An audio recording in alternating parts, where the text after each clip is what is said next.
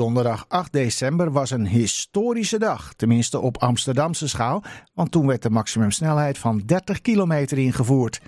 En voor deze historische gebeurtenis werd een plek aangewezen die al even historisch zal worden, namelijk de Meeuwenlaan. Waar wethouder Van der Horst de eerste sticker van de in totaal 4500 snelheidsborden verwijderde. En daarbij hoorde natuurlijk ook een speech.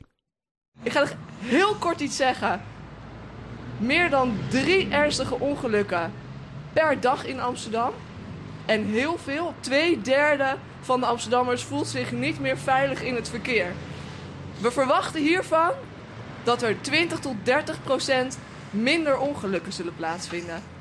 En dat is echt een hele grote stap vooruit in de verkeersveiligheid voor Amsterdam.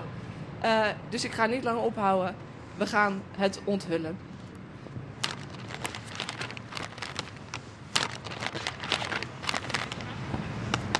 Zou zeggen, mag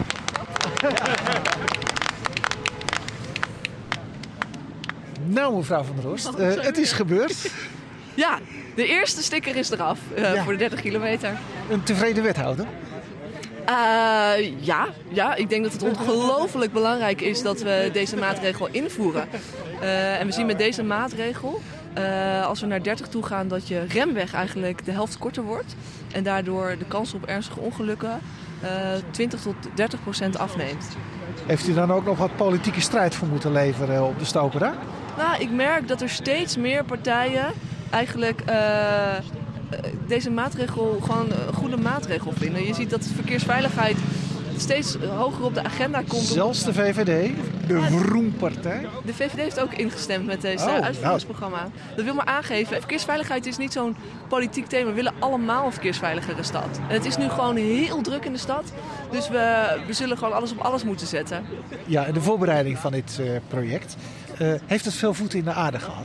Zeker, het is een enorme operatie om zoveel borden in de stad neer te zetten. En uh, allemaal te bestikkeren en de, de beleidingen klaar te maken, de stoplichten aan te passen. Uh, ja. Dus het is een hele operatie en vannacht gaat die nog even door.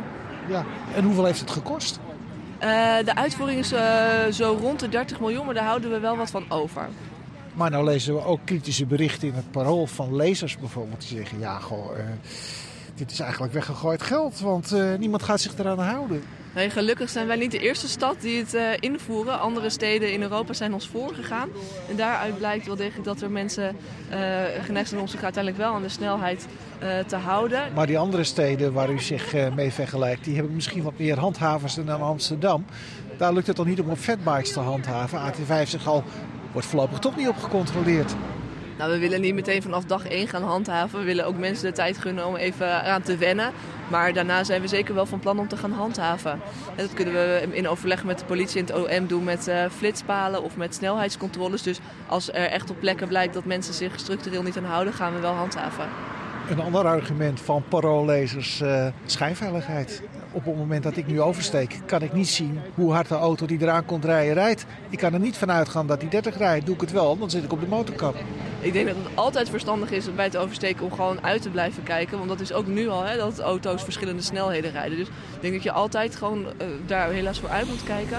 Uit uh, onderzoek van Veilig Verkeer Nederland is ook gebleken dat twee derde van de mensen wel in elk geval de intentie heeft om zich eraan te houden. Omdat men ook de andere kant ziet.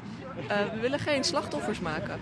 En de snelheidsverschillen, gaan die niet groter worden op het moment dat de een 30 rijdt, de ander toch 50 rijdt, de ander daar misschien weer langs wil?